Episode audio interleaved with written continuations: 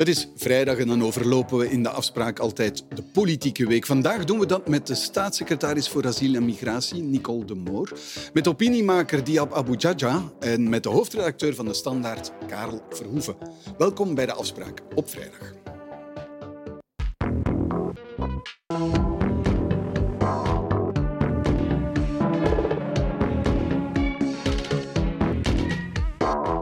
Goedenavond, Karel Verhoeven. Een bewogen dag in de wedstrijd. Um, staatssecretaris voor um, begroting en consumentenzaken, Eva de Bleker, neemt ontslag. Waarom eigenlijk? Ja, zoals het zelf formuleert, omdat ze niet meer kan functioneren. De vraag is, uh, waardoor kon ze niet functioneren? Ze had een dubbele fout gemaakt uh, bij het, het indienen van de begroting bij het parlement. Ze had de premier, de, de kroon van de premier ontbloot. Was dat door haar fout dat ze haar geloofwaardigheid verloren is, of door de manier waarop de premier haar de voorbije dagen gisteren in het parlement te kijk heeft gezet? Toch een hele harde manier waarop Open VLD hier probeert om de premier te redden of om het gezicht van de premier te redden. Want dat is uiteindelijk wat er gebeurt. Zij, wordt hier, zij moet hier op haar zwaard vallen om het gezicht van de premier te redden bij deze belangrijke... U zegt dat ze opgeofferd wordt eigenlijk. Ja, je kunt dat niet anders lezen. Hè? Um, wat, hier, uh, wat hier onthuld is door die de materiële fout hè, die ze zogezegd begaan heeft, is toch wel wat. We hebben niet alleen een begroting met een tekort van, uh, die, van 6 procent, het grootste tekort van de hele Europese Unie. Maar dan blijkt dan nog dat de belangrijkste maatregel voor de bevolking om de energiekosten te dempen, anderhalf miljard, die btw naar 6 procent, dat daar eigenlijk dat die niet in die begroting staat. En uh, dat die versies daarover ook nogal uiteenlopen. De premier die dan gisteren verklaart dat dat ook volgend jaar eigenlijk uh, budgetneutraal zal zijn, wat ook al heel vreemd is. En dat die kost dus eigenlijk nog niet meegerekend is. En dan zullen wij van de Europese Commissie nog eens het verwijt krijgen, zoals vele andere Europese landen, dat dat geld eigenlijk niet goed aangewend is. Omdat dat geld gewoon veel te ruim verdeeld is, aan veel te veel mensen verdeeld wordt. Deze zaak is dus nog niet voorbij. Deze zaak is helemaal niet voorbij en de, de snelheid waarmee dit ontslag plaats had, duidt erop dat men dit echt meteen achter de rug wil hebben om, volgend jaar met, om volgende week met een, met een proper lei eventueel de, de kritiek van de commissie te kunnen ontvangen en verder te kunnen. De vraag zal zijn of het niet allemaal zich opstapelt. Goed, en uh, intussen is de staatssecretaris al vervangen. En um, zij is vervangen door iemand die tot nu toe bij een andere partij militeerde. Fractieleider in het Brusselse parlement, Alexia Bertrand, die daarnet uh, aankondigde in de loop van uh, de avond dat zij inderdaad een nieuwe staatssecretaris wordt voor uh, begroting bij de Open VLD. Ik ben zeer dankbaar voor het vertrouwen van de Open VLD, van Egbert Lachaert. Ik voel een heel grote zin voor verantwoordelijkheid uh, vanavond. Het is natuurlijk een grote uitdaging en ik ben uh, daarvan bewust. Ik heb uh, persoonlijk veel sympathie, respect en waardering voor Eva de Bleker. En ik denk dat wij allemaal dankbaar kunnen zijn dat zij in deze zeer moeilijke tijden die begrotingen heeft opgemaakt. Um, en ik ga me nu in de dossiers duiken. Ik ga me inwerken. Uh, jullie weten allemaal hoe technisch uh, dat begroting is. Het gaat natuurlijk niet alleen over begroting, maar ook over consumentenzaken. Ik denk dat er daar ook werk aan de winkel is. Uh, dus de komende dagen zullen zeker studiedagen zijn voor mij. Ja, studiedagen, maar ook daar een verrassing. Iemand van een andere partij, weliswaar een zusterpartij, maar die wel overkomt om staatssecretaris te worden. Het zal een verrassing zijn voor veel Open VLD'ers. Het was ook een verrassing voor Georges-Louis Boucher.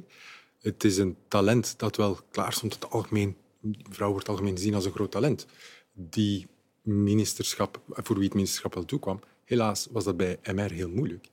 En uh, dus uh, zegt veel over de verhouding natuurlijk tussen Open VLD en MR. Ja.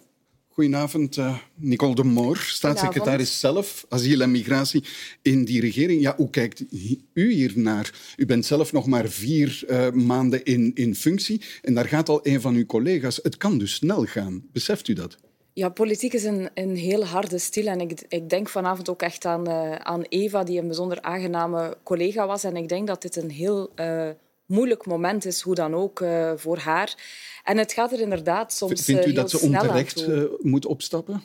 Nee, dat is, daar ga, ga, ik me niet over uitspreken. Ik denk dat het ook een interne uh, zaak is bij Open VLD. Maar hoe dan ook is dat natuurlijk moeilijk wanneer, je, wanneer er op deze manier een, een einde komt aan je periode in de regering. Dus ja. dat, gaat, dat gaat er inderdaad hard aan toe.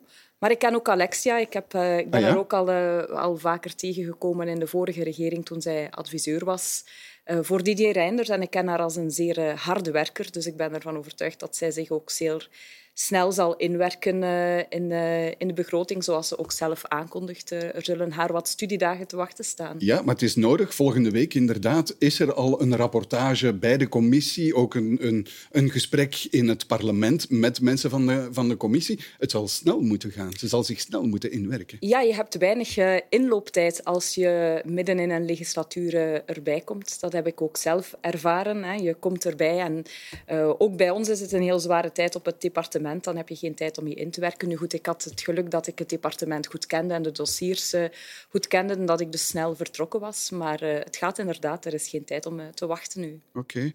Goedenavond, uh, Diab Abu Jaja. Wat zegt deze stoelendans ehm, u over de politiek? Wat, hoe kijkt u daarnaar? Ik denk ik en niet alleen ik, maar veel burgers vanavond een beetje het gevoel opnieuw krijgen dat er een soort circus is uh, in de wedstraat, bij wijze van spreken. Dat, er, dat men niet serieus omgaat met, uh, met het land. Hè. Uh, want ik denk, oké, buiten van die toptransfers in de politiek, dat, dat je vaak ziet in een particratische regime, zoals dat men vaak zegt. wat ik ook soms kan begrijpen, want inderdaad, mevrouw Bertrand is een toptalent. dat is iemand die heel bekwaam is, dus ik, ben, ik kan dat begrijpen. Maar de essentie van, van dit verhaal is inderdaad dat uh, budgetair geknoei uh, en niet alleen de fouten dat mevrouw uh, de Bleker heeft gedaan, dat is absoluut een probleem. Dus als ik zo'n fout maak met mijn eigen bedrijf, een kleine eenmaanzaakbedrijfje, dan word ik waarschijnlijk ook beboet daarvoor, na een audit of zo. maar ook een ander probleem is inderdaad, gaat over inderdaad die accijns verhogen. Komt dat nu eens? het is precies een idee. En terwijl dat, de, dat het uh, btw-verlaging wel een feit is, en hoe ga je dat niet berekenen dan in je, in je, eh, in je budget? Je moet dat toch berekenen als het, als het gebeurt, als het al beslist is, als het al bezig is. Dus daar is er wel voor mij budgetair, gewoon vanuit mijn beperkte kennis van, van wat een, een budget is op kleinschaal, toch een gevoel van, ja, er loopt daar iets mis. En ik denk dat de burger vandaag, als het cynisch al was, een beetje cynischer is geworden tegenover de politiek. En dat is geen goede zaak. Ja, slechte beurt. De politiek in zijn geheel. We zeggen het heel vaak. Maar uh, dit ook. Ja, ja, Interpreteer je het ook zo? En toch is er ook een lichtpuntje. Te midden van die particratie, absoluut. Die stoelendans. Is er toch de parlementaire controle hier die gewerkt heeft. Uh, N-VA heeft uitstekend werk verricht. Zij hebben gezien dat er iets niet klopte. Ze hebben doorgeduwd. Ze hebben vandaag nog eens doorgeduwd met een extra fout. Dat is dus het, uh, het goede, dat, die controle die er is. En dat dat tot bij de premier geraakt. Ook goed dat het tot het, uh, dat het, het, embarrassment helemaal groot is. Een andere gedachte die ik wel heb, is... Zou ditzelfde gebeurd zijn als het met een, met een man, als, zij, als Eva de Bleker een man was geweest? Ik, uh, de manier waarop zij afgedroogd is en opzij gezet is, voelde voor mij toch gisteren onwennig aan en deed mij toch wat denken dat Open VLD toch nog een, eh, een, eh, mannenclub blijft. Ja, kijkt u daar ook naar, zo naar? U bent een, een, een, een vrouw, dat ligt gevoelig. Uh... Ja, ik, over de concrete zaak kan ik me niet uitspreken, maar uiteraard is het de realiteit dat, uh, dat uh, politiek uh, soms hard is voor vrouwen. Hè. We, we, we liggen soms al eens snel onder vuur ik ga mij concreet niet, uh, niet over Eva uitspreken en of dat in dit geval het verschil uh, had gemaakt, zoals maar het is uh, u dat zegt. Het is moeilijker voor een vrouw. Het is anders. Het is anders voor een vrouw. Ja, het, is, het is anders inderdaad. maar ik zou echt dat niet meteen een gender-issue van maken, want het gaat hier effectief over een minister-staatssecretaris. En als je, als je juist een vrouw of een man au serieus neemt, dan moet je zo, zo, zo iemand eigenlijk onder, uh, onder druk zetten als ze fouten, als ze steken laten vallen. De bedoeling is toch niet paternalistisch te zijn. Maar als iemand flatert, dat je dan een beetje uh, met de mantel der liefde gaat bedekken omdat het een vrouw is. Dat is pas seksistisch voor mij. Ja. Nee, dat is een minister of staatssecretaris, staat er. En als je zo'n steken laat vallen... Ja, natuurlijk, ik zeg daar niet bij dat de premier volledig eigenlijk uh, buiten kritiek staat in, in zijn houding. Misschien was hij inderdaad te hard, maar ik denk niet dat dat heeft te maken met een beetje gender issue. Ik denk dat het wel te maken heeft met de zenuwachtigheid waar dat Open VLD en alle andere centrumpartijen bijna vandaag zich bevinden. En, en ze kunnen zich niet meer veroveren. Ze flirten allemaal met dat 10 procentje. En uh, ja, Open VLD zet alles op alles op, op imago van de premier. En, en dan komt zoiets. Ja. Nog een laatste vraag, want je hebt wel iemand die overloopt. Een overloper was in het verleden een heel negatief woord in onze wedstraat. Hier ook? Ja, zij, ze kunnen nu wel tweeten dat het binnen de liberale familie blijft. Je kunt je niet van de indruk ontdoen dat het uh, toch wel een, uh, een bekentenis is dat er blijkbaar niet zoveel toptalent zit binnen Open VLD. En dat straalt dan toch niet zo goed af op de partij zelf. Ja. Dus in die zin is het toch een, een, een, een dubbel plaatje. Goed, laten we dan eens even kijken. Want u, mevrouw de Moor, staatssecretaris voor asiel en migratie, u bent net terug van een bezoek aan Congo. En dat is een van de landen van waaruit het aantal migranten dat zich aanbiedt in ons land alsmaar groter wordt. En het doel van deze reis was Congolezen uit te leggen dat ze eigenlijk weinig kans maken op een asiel in ons land. En dat is wellicht een zinvolle opdracht, al lijkt het soms toch wel dweilen met de kraan open. La fin de cette année, nous, avons, nous, nous, allons atteindre le chiffre de 100 000 personnes qui ont tous besoin d'un hébergement. 100 000 personnes qui, ont, qui, sont en Belgique et ont besoin d'un hébergement, qui ont oui. demandé, qui demandent euh, l'asile. Donc c'est une crise, quoi. Zei ja, die lokale opvanginitiatieven bijvoorbeeld, laten we die toch maar verplichten. Opvang in hotels maakt dat ook mogelijk. U wil dat niet, hè, die twee pistes. Waarom blijft u daar zo tegen als de nood zo hoog is? Wel, het verplichten van gemeenten om zelf opvang te creëren, dat gaat vandaag gewoonweg niet. Vaak zeggen de tegenstanders tegen ons, Delphine, ja, maar Tom, wat je daar voorstelt, dat mag niet van de Europese Unie. En wel, wij zijn eens gaan kijken wat ze in Zweden doen binnen het kader van die Europese Unie. En ze hebben 15 voorstellen, 15 uh, Zweedse recepten als het ware, voorgeschoteld aan de regering uh, De Croo. Eigenlijk als je het in Europees verband bekijkt, nemen wij al heel veel verantwoordelijkheid. Eigenlijk zitten wij wel een beetje op een punt, vol is vol. We hebben zoveel opvangplaatsen op het aantal inwoners. Wij zitten aan 1,07 aanvragen per duizend inwoners in België. Het gemiddelde in Europa is 0,7. Ja, mevrouw de Moor, tegen het einde van het jaar zijn u 100.000 mensen opgevangen. Is dat de grootste toeloop ooit in ons land? Recent.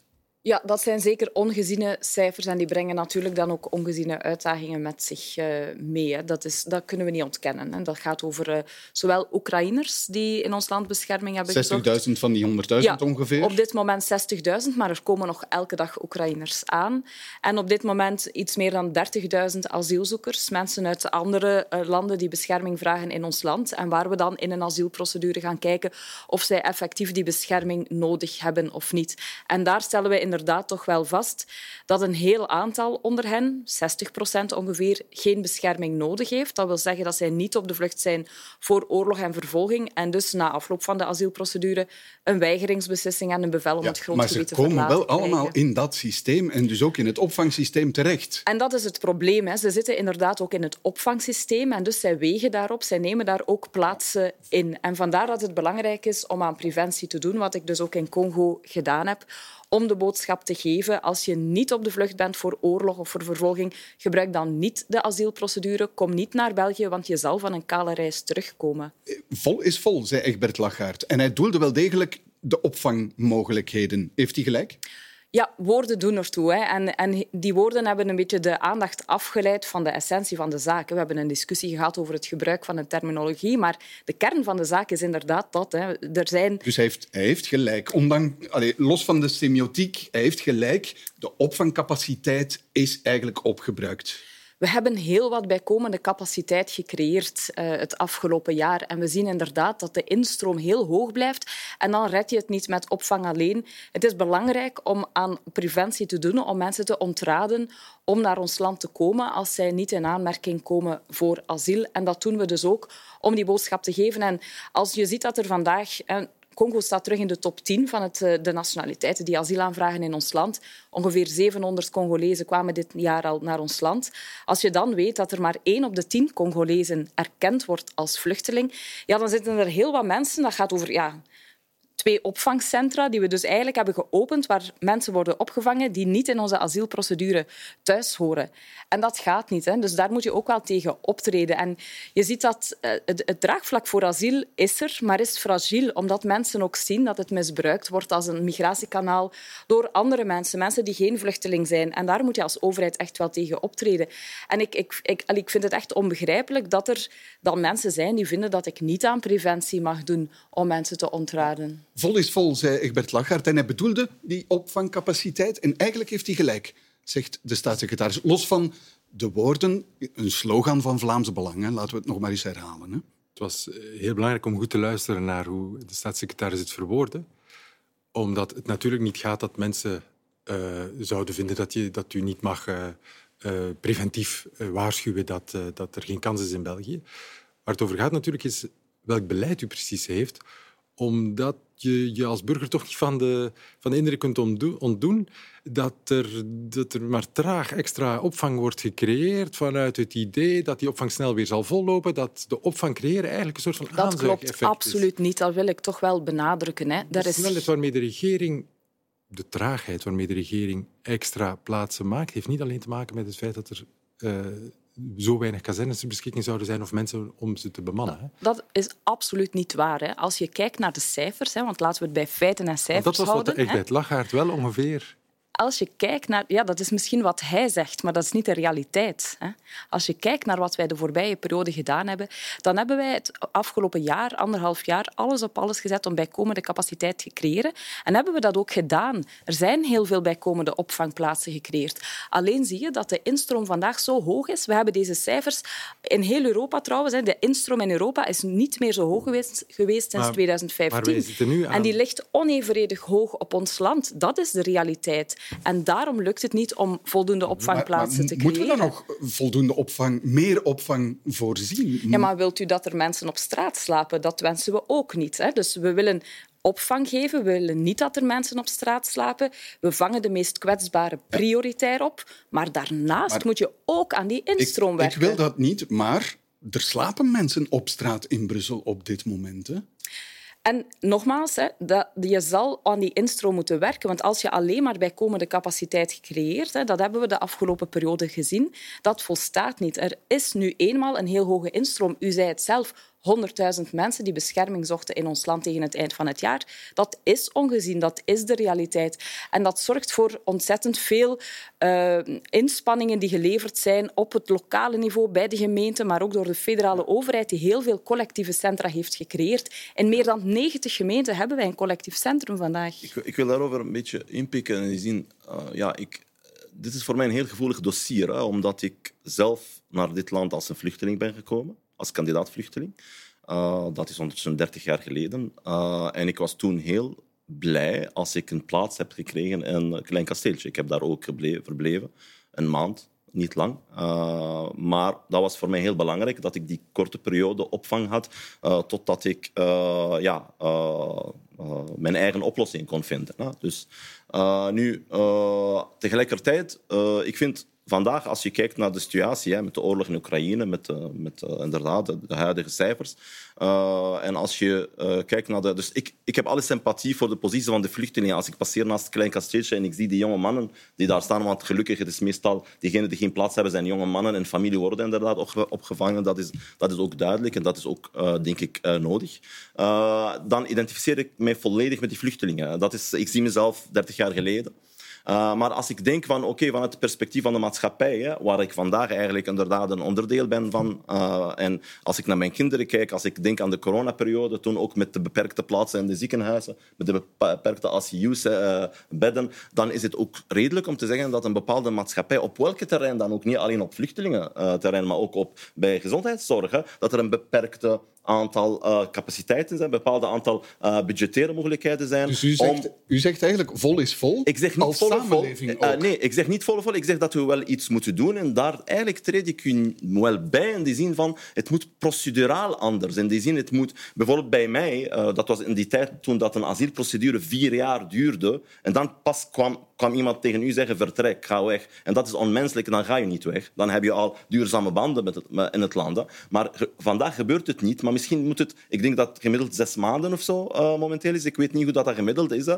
Kunt u misschien, misschien mij de informatie geven? Maar ik vind dat het sneller kan in die zin. In het geval van mensen die niet in aanmerking komen uh, voor een politiek asiel onder de Geneva uh, dus verdrag, dat die bevel om, of het uitprocederen sneller gebeurt. En dan voor uitgeprocedeerden, dan moet de uh, civiele maatschappij zijn verantwoordelijkheid dragen, dan moeten NGO's, dan moet de kerk, dan moeten, dan moeten allerlei organisaties. Uh, als, zij, als, zij, als mensen zonder papieren hier blijven, dan, dan kan de, de staat hun officieel niet opvangen. Uh, dus eigenlijk die uitprocederen is misschien... Ja, het is geen cynische oplossing, het is een logische oplossing. Het is vooral belangrijk dat mensen die een negatieve beslissing krijgen en een bevel krijgen om het grondgebied te verlaten, net omdat ze geen bescherming nodig hebben, dat die ook effectief het grondgebied verlaten en dat we daar een terugkeerbeleid kunnen voeren. dat maakt integraal deel uit van ons beleid. Ja, dat snap ik. Maar in de praktijk, Egbert Lachart zei ook, er zijn 9000 Afghanen die eigenlijk geen of uitgeprocedeerd zijn en die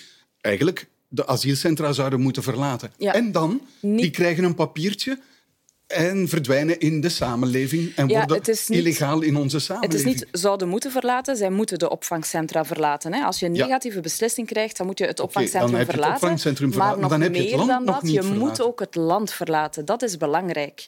En dat is voor Afghanen zo, dat is voor alle andere nationaliteiten zo. Wij werken niet met twee maten en twee gewichten. Ik neem daar ook geen politieke beslissing in. We hebben in België een zeer kwalitatieve asielprocedure. Het land verlaten. Wel, we hebben het terugkeerbeleid ook op dat vlak hervormd. We zetten in op individuele begeleiding van mensen die een bevel krijgen om het grondgebied te verlaten. En uiteraard is dat moeilijk. En uiteraard is het leven in Afghanistan moeilijker dan het leven in België. Maar dat is helaas zo in heel veel landen in de wereld. Dus ja, ook Afghanen moeten terugkeren. En een van de voorstellen die bijvoorbeeld de groene partijen doen, is dan om een verblijfsstatuut te geven, een regularisatie van alle Afghanen die op het grondgebied verblijven. Ik vind dat een bijzonder slecht idee.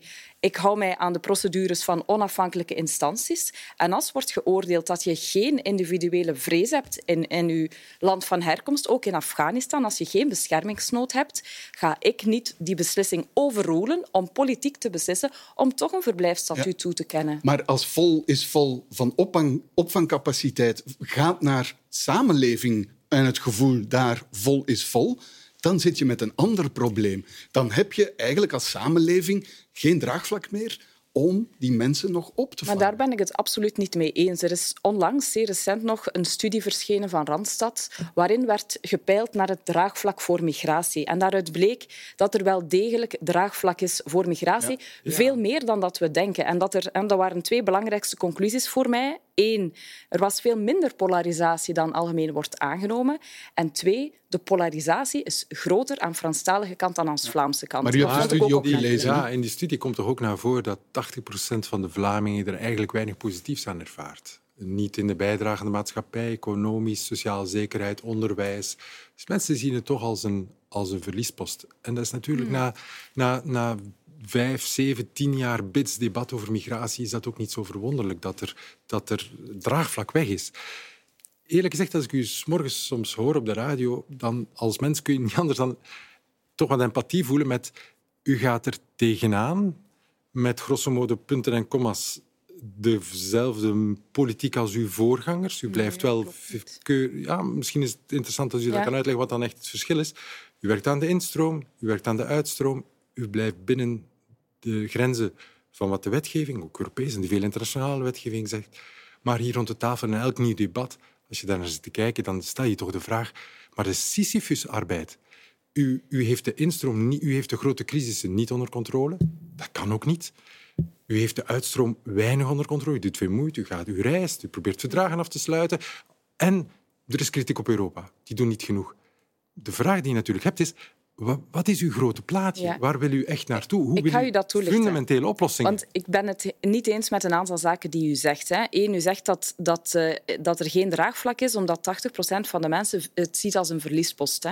En, en dat klopt. Uit die studie blijkt bijvoorbeeld dat heel veel mensen belang hechten aan uh, werk, hè, activering op de arbeidsmarkt. En laat ons eerlijk zijn, ons, ons land is een van de slechtste leerlingen in de klas wat dat betreft. Hè. Activering op de arbeidsmarkt van mensen met een migratieachtergrond. Dus Daar moeten we heel veel aanvaardbaar op voorwaarde dat migranten eigenlijk deelnemen aan de samenleving. En Absoluut. Stukje... En dus ook daar moeten we aan werken. Want uit de studie blijkt dat eigenlijk 15 procent, ik zal even mijn punt maken, 15 procent van de bevolking zegt volledig gesloten grenzen. En ongeveer evenveel procent van de bevolking zegt volledig open grenzen. Daartussen zitten de meeste mensen. Mensen die zien ja, migratie, als we komen tot een gecontroleerde migratie, dan is daar ruimte voor. Vooral arbeidsmigratie, wat, wat om bijvoorbeeld knelpunten op de arbeidsmarkt... Is, is dat het, dat ja, ik ga even mijn punt verder afmaken. Ja, okay. Ook hè, arbeidsmigratie, daar zijn mensen voorstander van. Maar zelfs voor asiel. Mensen willen echt wel bescherming geven aan mensen die op de vlucht zijn voor oorlog en vervolging. Maar je moet ook inzetten op het activeren en integreren van die mensen.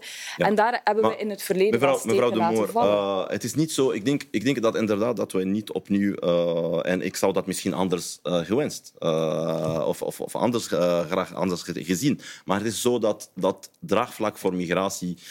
ik denk dat als we dat moeten laten afhangen van de ene studie of van, van de andere, dat we ons een beetje iets aan het wijs maken. Het is, oh, maar er is, ik praat er is, ook heel veel is, met de mensen op het terrein. Ja, ja oké, okay, maar ik bedoel, ik, ik, ik viseer u niet daarmee, maar ik bedoel over het algemeen, het is, het is bekend dat migratie een van de zeg maar zorgpunten is bij de kiezer en niet een Absoluut. positieve punt. Men ziet dat niet als een En zoals dat ik zei, voor mij misschien doet dat wel pijn dat het zo is, maar dat is gewoon een feit. En dan als je dan emotie aan de kant zet en kijkt gewoon rationeel, waarom denken de mensen, zo zijn de mensen allemaal racisten? Nee, als je dat allemaal aan de kant zet en zegt van wat is dan de objectieve redenering daarachter van redelijke mensen? De meeste mensen zitten politiek in het centrum, dat weten we. Maar ze kiezen soms niet voor centrumpartijen.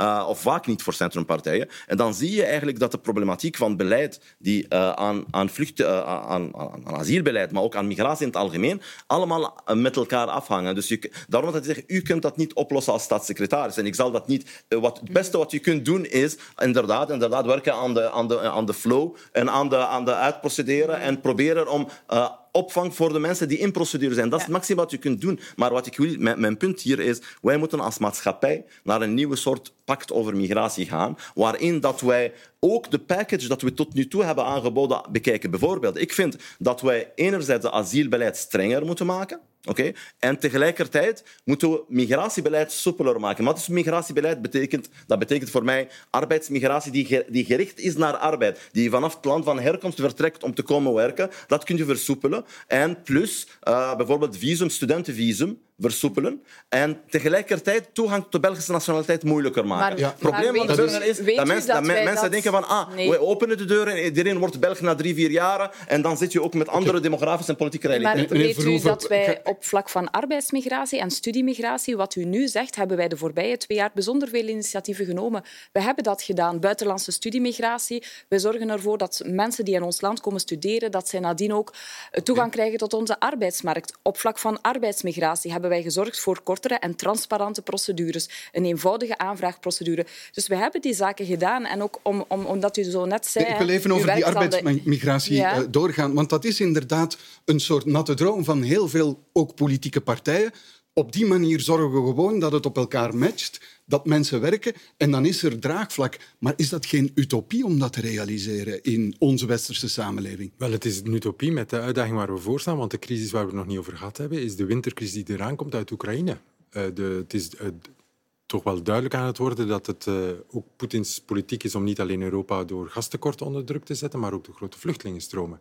De bombardementen op de infrastructuur van het land zullen veroorzaken dat zodra het winter is, de vluchtelingenstromen toenemen. De prognoses gaan af op 2, 3 miljoen extra vluchtelingen die niet zullen opgevangen worden in de buurlanden, in Polen, in Tsjechië enzovoort, die nu al bijna helemaal vol zitten. Mensen zullen dus doorsporen naar Berlijn en Brussel. En we zitten nu met 60.000 al vol.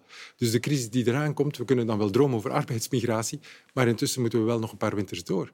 En aan de andere kant zien we dat aan de grenzen van Europa er een heel cynisch spel bezig is, waarbij zowel in Wit-Rusland, wat die episode hebben gehad, maar nu nog altijd aan de grens met, met Griekenland-Turkije, dat daar Europa zich toch behoorlijk uh, hard toont en dat er pushbacks zijn dat die ook getolereerd worden, dat die officieel gedocumenteerd worden, ook door, uh, door OLAF, het Europese agentschap, antifraudeagentschap.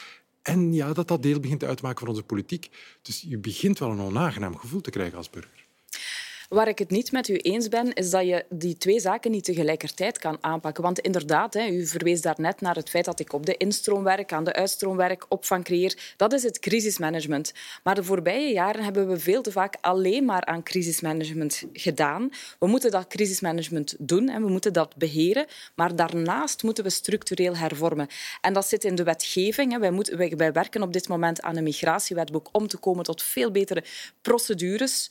Maar dat hervormen Sneller, zoals meneer uh, Abu zegt? Ja, sneller en beter. Hè, om, om, ook met een betere opvolging kan doen. Dat hangt ervan af in welke procedure dat je zit. Maar in asiel bijvoorbeeld loopt dat nu wel op door een grote instroom. En dus die wachttijd loopt weer op. Die is niet zo lang als in uw uh, periode, maar die is vandaag wel veel te lang, waardoor mensen ook te lang in de opvangcentra blijven zitten.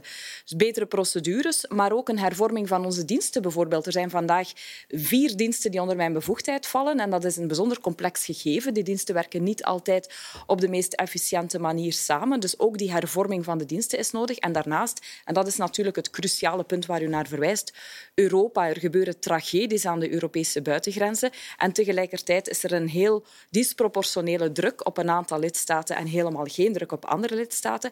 En dus moet je dat hervormen. En op dat vlak is er natuurlijk nu terug een grotere sense of urgency om die, stappen te zetten. ja, maar we zetten maken. nu wel stappen. Hè. We hebben jaren geleden geen stappen gezet. We zijn dat op dit moment wel aan het doen wat op Europees Wat vindt u van het idee van Vlaams Belang om naar Zweden te gaan kijken en te zeggen, daar heb je zowat op een aantal domeinen de strengste wetgeving die je kan krijgen om de instroom te beperken. Heel concreet hebben ze het bijvoorbeeld over de gezinshereniging, die ze veel strenger uh, willen maken. Is dat een goed idee? Vindt u dat IKEA-plan een goed idee? Ja, maar daar zijn natuurlijk, en ik weet dat dat het altijd het probleem is met migratie, daar doet heel veel fake news uh, de ronde, maar over gezinshereniging is dat zeker het geval. Er wordt dan gezet, gezegd dat onze regels voor gezinshereniging soepel zouden zijn in België. Dat klopt helemaal niet. In 2011, dan in Zweden wel? Wel, in 2011 is de procedure bij ons verstrengd op voorstel van mijn partij toen in het parlement, van Naima Langerie. En zijn er strenge voorwaarden ingevoerd en die zijn er vandaag nog altijd. Gezinshereniging, dat is beperkt tot partners en kinderen en je moet voldoende bestaansmiddelen dus hebben.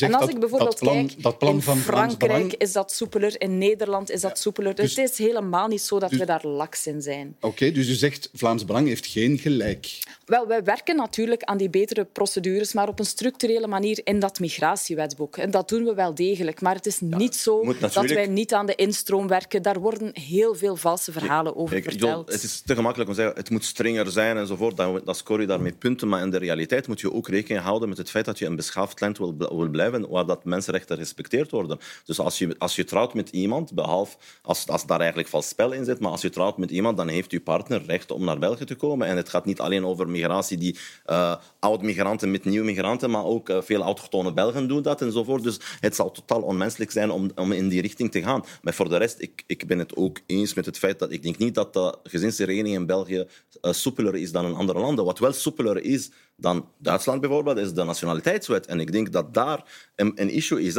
Als wij het, het verschil duidelijk kunnen maken tussen een burger, uh, de staatsburger, en iemand die hier wel legaal woont, maar niet toegang heeft tot dezelfde rechten als een staatsburger, wat helemaal geen discriminatie is, omdat het logisch is. Er zijn, niet alle rechten zijn gekoppeld aan het aanwezig zijn ergens legaal in een land, maar staatsburgerschap heeft bepaalde privileges. Als daar de drempel hoger wordt, als er ook meer waarde wordt gegeven aan die Belgische nationaliteit, aan de procedure, en ook de meer drempels worden gecreëerd door toegang tot uh, uh, het OCMOE bijvoorbeeld.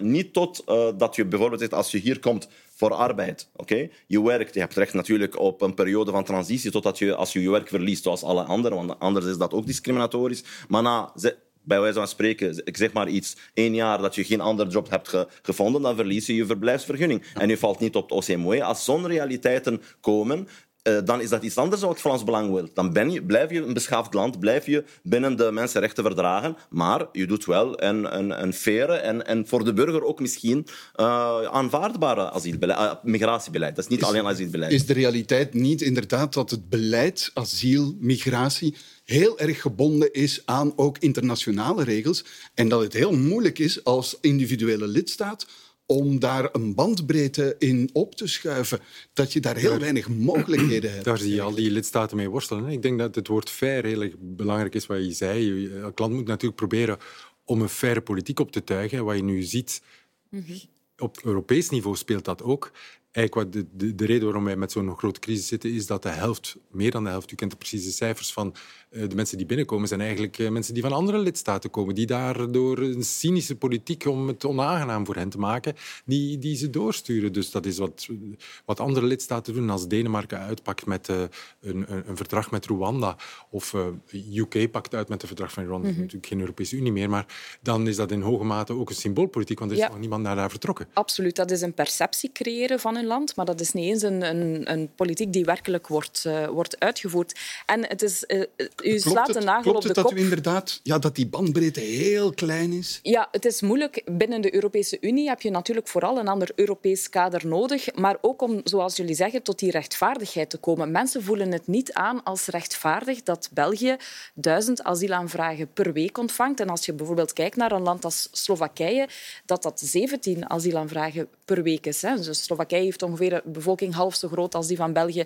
En dat wordt niet als rechtvaardig aangevoeld. En vandaar dat dat ondermijnt ook het draagvlak dat er is voor asiel. Het is noodzakelijk om te werken aan die spreiding. U bent uh, lid van, van de CDMV. Uh, ehm, ik wil u toch even een opmerking uh, voorleggen van Walter Zinze, opiniemaker Walter Zinze, die hier een uh, tijdje geleden, een aantal maanden geleden, uh, eigenlijk Joachim Koens, uw vorige voorzitter, toch uh, iets voor de voeten wierp over het asielbeleid dat gevoerd werd toen door de voorloper of de voorganger van mevrouw de, de Moor, Sami Meri. Van een christendemocraat verwacht ik wat als het over migratie gaat, een christelijk standpunt. Het is toch niet overdreven om dat te denken. Om eens te denken aan het evangelie, het Matthäus-evangelie met name, waar de Heer Jezus zegt, ik was een vreemdeling en je hebt mij gastvrij ontvangen. En het beleid van meneer Medi is, net zoals dat van meneer Franken, een beleid dat gericht is op vertrekken. Wat antwoordt u op Walter Zinze? Ja, dat klopt absoluut niet en dat is heel kort door de bocht. Hè. Want ik vind trouwens het migratiebeleid is, is per definitie een, uh, een, uh, een, departement waarop je een christendemocratisch beleid uh, moet en kan voeren. Maar, het betekent natuurlijk Omwille van niet... de C in CD&V, is het dat? Omwille van de principes van de christendemocratie. En die betekenen niet, hè, zoals hij het lijkt te zeggen, dat je daarom alle vreemdelingen moet opvangen. Het betekent wel dat je met elk individu rekening moet houden, dat je niemand mag loslaten. En dat je, want hij verwijst naar het terugkeerbeleid, waar we ook inderdaad een kordaat beleid op willen voeren, dat je ook in dat terugkeerbeleid niemand loslaat. En dat is een christendemocratisch beleid. Wij hebben ervoor gezorgd dat iedereen die een bevel krijgt om het grondgebied te verlaten, dat die individueel en aanklampend wordt opgevolgd en begeleiding krijgt om te reïntegreren in het land van herkomst. Dat doet een CD&V het... anders dan een liberaal, een socialist ja, of een nationalist? Inderdaad, want dat is een beleid dat wij nieuw hebben ingevoerd. En trouwens ook het werken aan activering van asielzoekers bijvoorbeeld. Het geloven in asielzoekers die echt hun talenten kunnen inzetten op onze arbeidsmarkt is nieuw. Dat hebben wij ingevoerd. Ja? Ik vind dat het, eh, mevrouw de Moor siert dat zij niet die trom van de voortdurende verharding in de toon uh, roert. En dat we niet elke dag een tweet hebben van haar, zoals we dat van vorige eh, staatssecretarissen wel hadden, waarop dan de hele maatschappij opgewonden was. Waardoor we natuurlijk ook geen meter opschoven, behalve naar, naar verharding. Maar de vraag is natuurlijk, waar burgers op zitten te wachten, wat is uw grote plan om het op te lossen? Want u managt het en u bent zeer competent, eh, u kent de materie door en door, u managt het. U probeert daarvoor goed steun te vinden in de regering, wat eh, met vallen en opstaan lukt. Maar op het einde van de rit, wat is de oplossing om dat hele cynische asiel- en migratiecultuur uh, die in Europa gegroeid is, die politiek daar rond, om die op te lossen? Van uw voorganger, Theo Franke, zijn plan om in, uh, in Noord-Afrika om het, om het daar buiten het Australische model toe te passen. Je kon er veel op zeggen. En wellicht was veel van die kritiek terecht, maar hij had tenminste uit een boze oprechtheid van wat er aan die grenzen gebeurt, dat kan niet, had hij een, een harde oplossing. Maar hij droomde wel van een hele grote oplossing. En ik denk dat we die wel nodig hebben. Ja, en die, daar heb ik ook een plan voor. Hè. En dat is wat ik zo net zei. Dat zijn hervormingen die we moeten doorvoeren in die drie pijlers. Hè. We moeten hervormen op het vlak van onze eigen regelgeving en onze diensten, maar ook op het Europese vlak. En ik geloof niet in een Rwanda-model zoals Theo Franken. Ik geloof in een Europees model. Wij moeten komen tot een versterking van de Europese buitengrenzen, waarbij mensen die aan de Europese buitengrenzen komen onmiddellijk daar een asielaanvraag indienen. Maar wel op het Europese grondgebied. Want ik geloof niet dat je aan dubieuze regimes je migratiebeleid moet uitbesteden. Je moet dat op het Europese grondgebied doen, maar wel onmiddellijk aan de grens, waarbij je altijd bescherming kan bieden aan wie bescherming nodig heeft, maar waarbij je ook een kordaat terugkeerbeleid kan voeren voor degenen die dat niet nodig hebben. Dat is het Ik wil grote iets plan. toevoegen aan, aan, aan wat u hier zegt. En identif- identificeert u dat dan met de C van CD&V, het plan van, nee, ik, van de minister? ik identificeer me niet met de C van de CD&V, van, van welke andere partij ook niet. eh.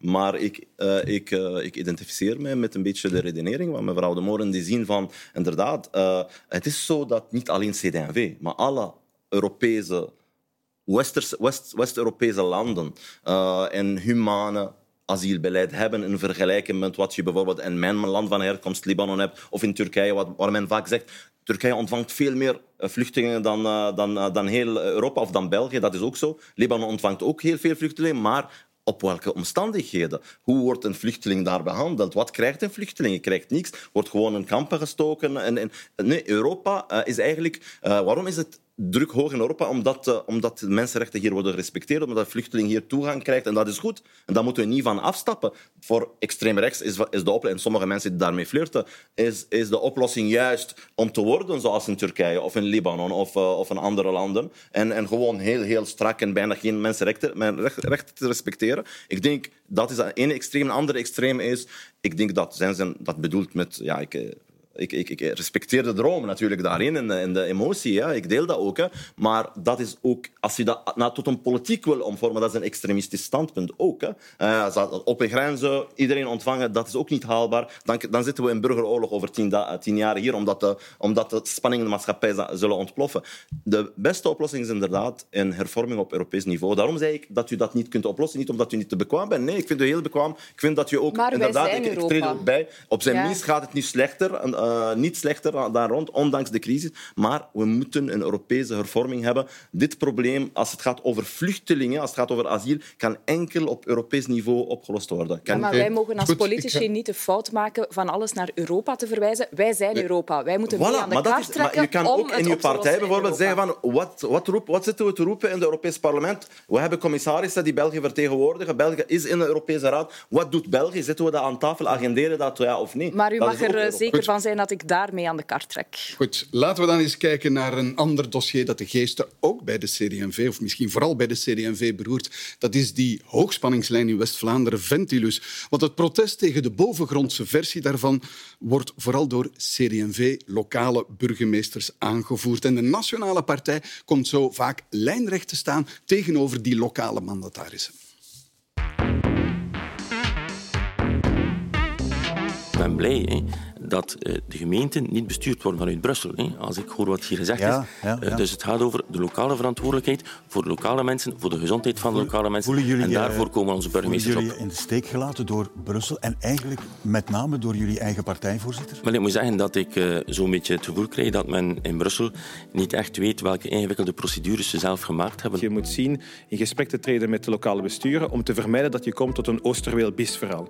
Namelijk dat je een plan neerlegt en zegt het is zo eh, en het zal niet anders zijn en dat je dan duizenden procedures krijgt. Spreek met lokale besturen, spreek met actiegroepen die vragen hebben, die ongerust zijn. Voelt u zich in de steek gelaten door uw partijvoorzitter en uw ministers? Ik ga eerlijk zijn, hè. De, wat men in Brussel beslist, dat is meestal zo dat men veel te weinig rekening houdt met West-Vlaanderen.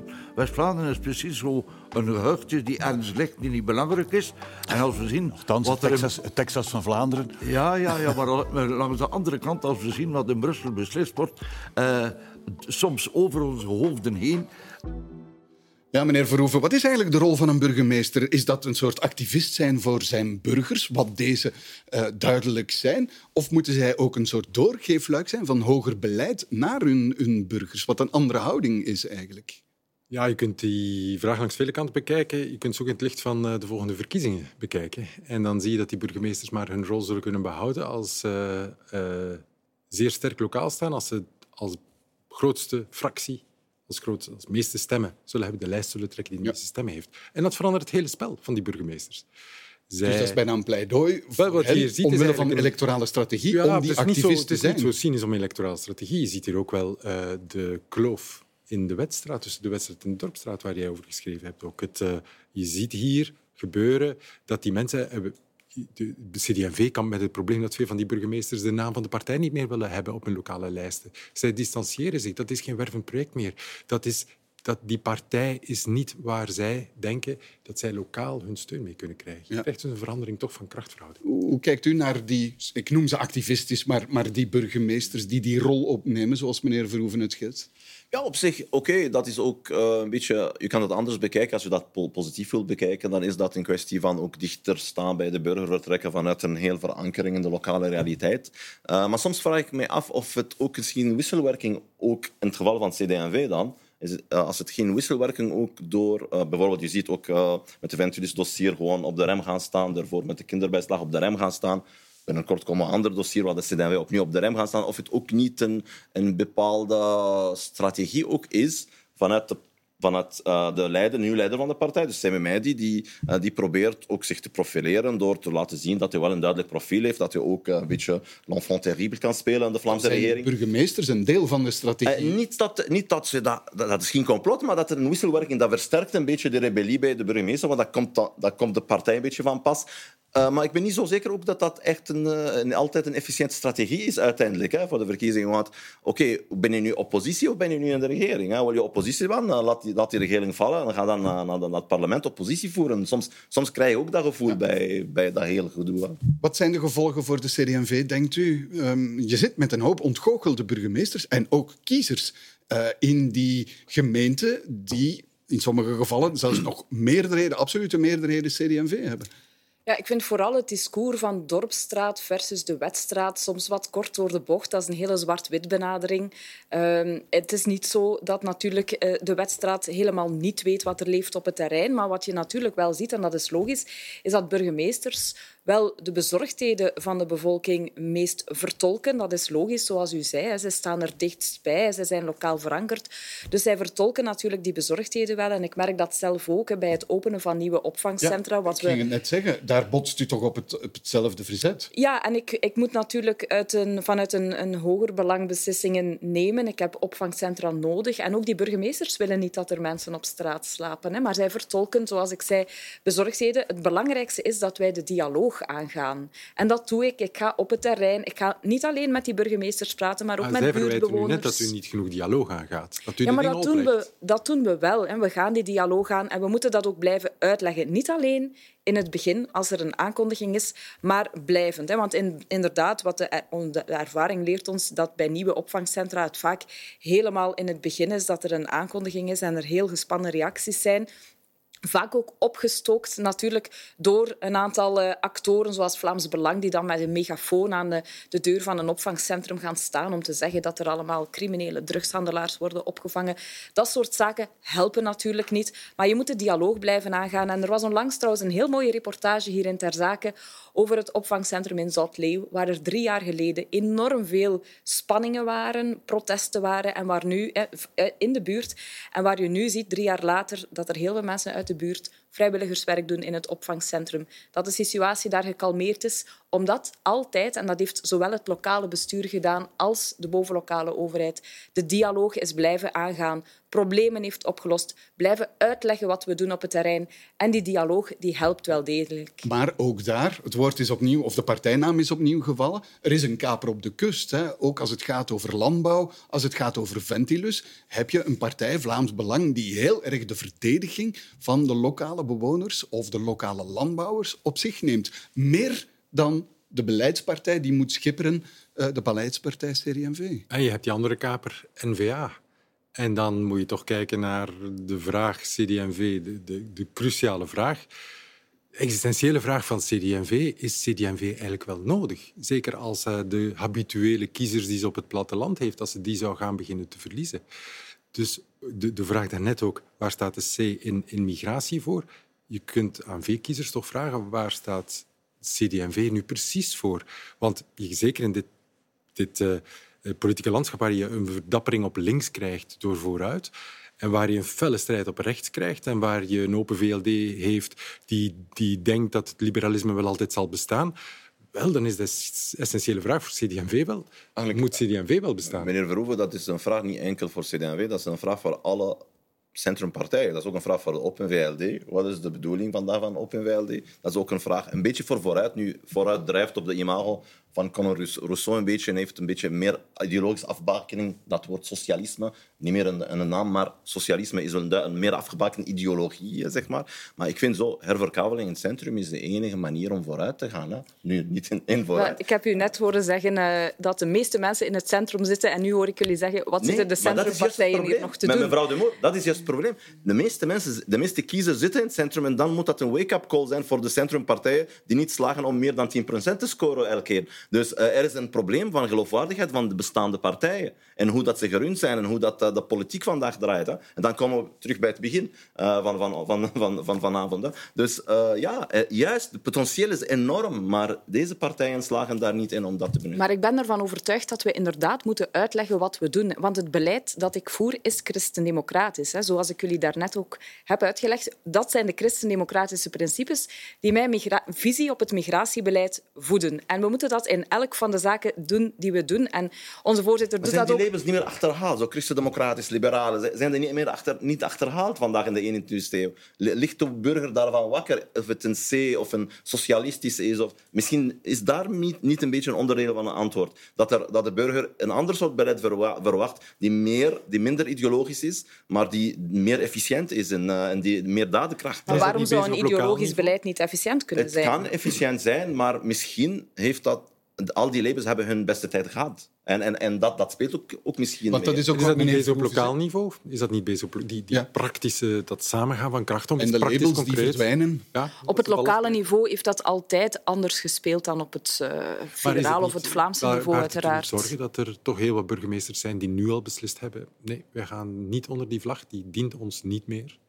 Wel, ik, ik, begrijp dat er bezorgdheden zijn bij burgemeesters, want zij kijken natuurlijk ook met spanning uit naar wat de effecten van de nieuwe wetgeving gaan hebben op de lokale verkiezingen. Maar ik zie ook heel veel burgemeesters en lokale CD&V-afdelingen die vol overtuiging achter die CD&V-vlag blijven staan. Trouwens, uh, bent u al verhuisd? Want u ging van de grootstad Brussel naar uh, Oost-Vlaanderen, ergens, ja. ja. een uithoek zelfs, in het Waasland. Ja, Sint-Gilles-Waas uh, ligt toch een eindje daar vandaan? Ja, dat ligt een eindje van Heb, Brussel. Hebt u al iets ja. gevonden? Bent u al verhuisd? Ik ben volop op zoek naar een woning. Oké, okay, is goed. Dat is het einde van deze afspraak op vrijdag. En daarmee is weer een politieke week netjes neergelegd. En zoals altijd dank ik mijn gasten voor de deskundige hulp daarbij. Nicole de Moor, Diab Abu Chacha en Karel Verhoeven. En u, dames en heren, blij dat u er opnieuw bij was. En tot volgende week.